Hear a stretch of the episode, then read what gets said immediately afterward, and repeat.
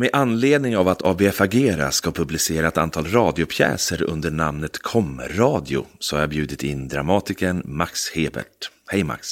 Hej Reine! Om, om vi ska gå in i, i din vardag som, som jobb som dramatiker, hur, hur kan den se ut? Vad gör du? Ja, hur ser, hur ser ditt arbete ut helt enkelt?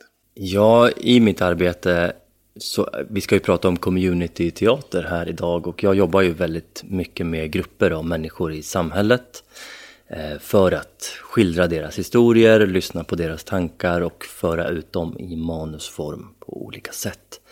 Så att en vanlig dag så kan jag träffa en grupp av äldre eller en grupp av arbetslösa eller en grupp av asylsökande och prata med dem både tillsammans som ett tema eller kanske enskilt var och en för sig. Och så samlar jag ihop det som har sagts och destillerar ut det till ett manus. Just det. Vad, är det. För du har ju skrivit också att suttit på kammaren och skrivit något eget som, du, som kommer upp i ditt huvud. Eh, men är det det här du brinner mest för? Verkligen. Det här känns ju otroligt mycket mer meningsfullt eh, träffa människor som man tycker är spännande och som man tycker borde bli lyssnade på i samhället. Mm. Vi ska ju publicera, eh, jag tror det är, är det sju eller åtta, jag tror det är åtta radiopjäser sammanlagt tror jag. Eh, som du har varit med och skrivit, eller du har skrivit. Varför jag sa har varit med och skrivit, det är bara för att vi jobbar med något som heter förhandling. Eh, kan du beskriva det, vad det ordet innebär?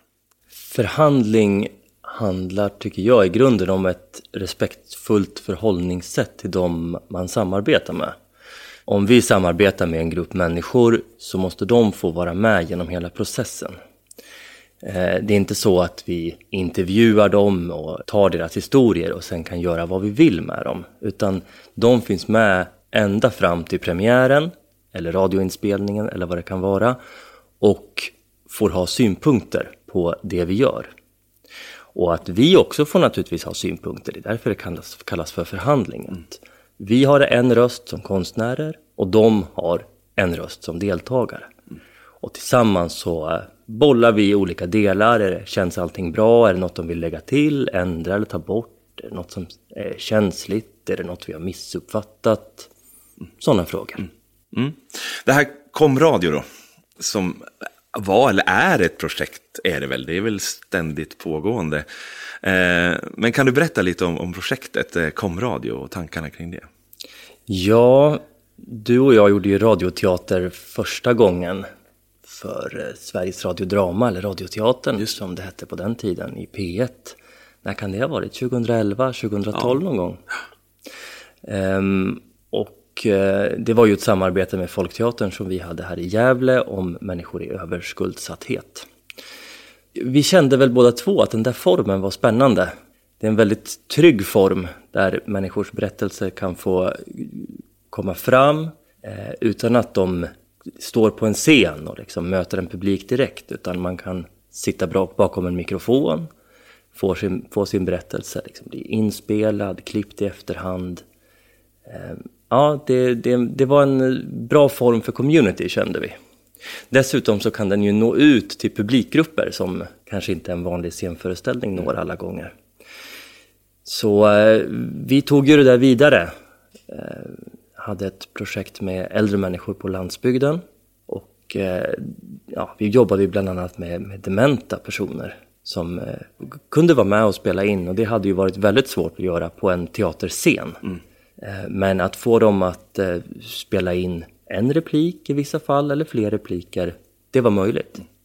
Och då samarbetade vi ju med P4 Sveriges Radio, som jag tycker var väldigt roligt, för att där nådde vi verkligen ut till människor i alla delar av vårt län, människor som har radion på på arbetsplatsen eller i lastbilen eller bara står på hemma.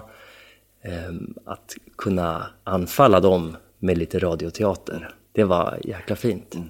Jag har ju både liksom pratat med människor som hört det på det sättet, men sen har jag också spelat upp den i rum med olika människor som, och sett deras reaktioner. Och det är ju otroligt att se eh, vad de här berättelserna är viktiga och hur de når in. Mm. Det är helt fantastiskt ju. Ja, verkligen. Ja. Eh, Och vi tog ju det där vidare sen då och eh, jobbade med arbetslösa. Människor i utanförskap kanske man kan kalla det.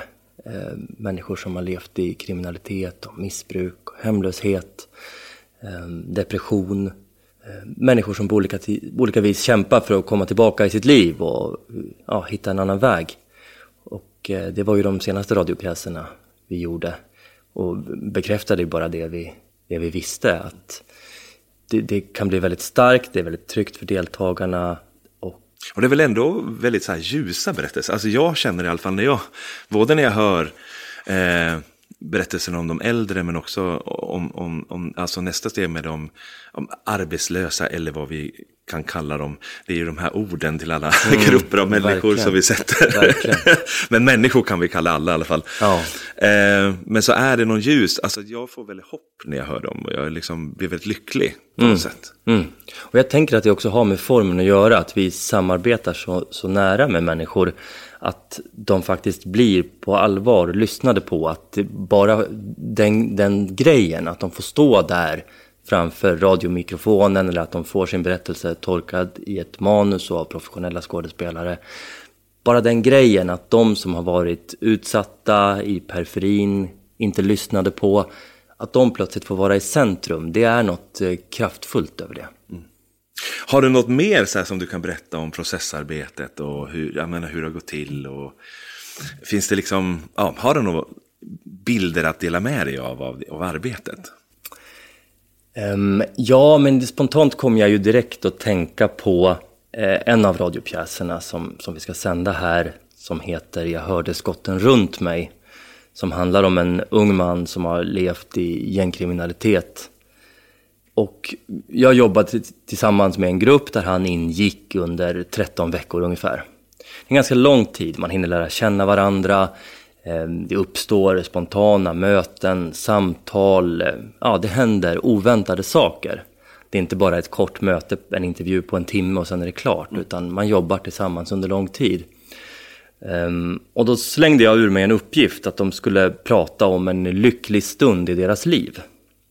Och jag jobbar väl ungefär så att ja, jag skickar ut små tankar, uppgifter, teman som kan resultera i någonting. Jag fiskar efter ämnen, berättelser. Och det som han säger då, det är ja, den lyckligaste stunden i mitt liv, det var när jag stod mitt i en skottlossning. Mm. En skottlossning, en gänguppgörelse i en förort i Stockholm. Han eh, hade kommit ganska ny i det här gänget. Eh, fick vapen och de blev beskjutna av ett annat rivaliserande gäng. Och han, eh, narkotikapåverkad, men upplevde en otrolig livskänsla och odödlighet på något sätt. Och eh, adrenalinet som eh, rusade i honom. Och jag blev ju naturligtvis väldigt förvånad över att det är det han associerar till en lycklig stund i sitt liv. Men just det också att bli så förvånad gjorde ju att jag kände att det här är ju början på en berättelse. Det här är grunden till det vi ska berätta om honom. Mm. Så jag tycker att det, det, säger mycket om processen, att låta det ta sin tid och låta det dyka upp saker eh, som inte kommer vid korta möten. Utan det här kan vara ganska noggranna, långsamma processer. Ja, är inte den där tiden också någon slags säkerhet för att inte göra de, de som berättar de här berättelserna till något objekt, utan att de blir delaktiga, att de får tid att reflektera över vad de vill berätta och vad de kan berätta, så att man inte bara kastas upp i ett sammanhang som man inte förstår själv. Mm, verkligen. Ja. Både att kunna säga ja och säga nej. Ja. Att både kunna visa att eller känna att vi, vi är några man kan lita på. Mm. Um, att man verkligen bygger ett förtroende. Eh, men också att kunna säga nej, att nej, men nu blir det för mycket. Ett förtroende handlar ju både om att liksom kunna gasa och bromsa. Eh, Eh, för ibland så kommer vi in på berättelser som är för känsliga för att berätta. Och det måste ju vi också respektera och försöka, ibland kanske försöka hitta sätt som man kan göra att det blir tryggt. Men ibland säga att nej, men den här berättelsen den går inte att berätta just nu, just här. Ja, en av de starkaste ögonblicken jag har haft som konstnär, det var ju när vi hade den här premiärlyssningen tillsammans och liksom känslan i rummet av stolthet och av kraft och av liksom en känsla av att nu förändrar vi något tillsammans, det här är viktigt. Mm. Det upplever man ju sällan när man jobbar med professionell uppsättning. Då är det mer liksom en intern kraft och glädje, men här var det verkligen något speciellt tyckte jag. Ja, jag instämmer. Ehm, och det är väl kanske den kraften som, som har gjort att jag har sökt mig mot community, teater och att jag finns kvar inom den här genren. Just den känslan att verkligen göra någonting viktigt. Mm. Jag brukar säga ibland, lite vast, att inom all teater så pratar man om att man gör viktiga saker. Men jag tror inte alltid att publiken går därifrån och känner att det berörde dem, att det kom åt dem på djupet. Jag vill hoppas och tro att det som vi gör kan göra det i större utsträckning i alla fall. Vi hoppas väl att lyssnarna känner en del av det där när, vi, när de lyssnar på resultatet också då, helt enkelt. Har du något mer som du vill bara ge lyssnarna innan vi ja, släpper de här föreställningarna? Nej, men jag tänker på de äldre människor som, som finns, liksom, ja, ibland kan kännas finns lite undanskuffade i vårt samhälle. Och att ha fått eh, sitta ner under flera månaders tid kontinuerligt med deras eh, allvarliga och ljusa ansikten och höra när de pratar om livet på riktigt. Men också skoja med dem. Prata om eh, sex och eh, testa boxning tillsammans. Ja, det, det var en viktig, rolig, lärorik men också politisk process, tycker jag. Som jag tycker är på något sätt grunden av vad communityteater handlar om. Processen är så otroligt viktig i, de här, i det här arbetet. Och eh, att eh, verkligen se alla människor i samhället. Jag tror att det färgar av sig i manuset. Det tror jag också. Vi säger tack till Max. Tack. Och god lyssning till alla. Hej.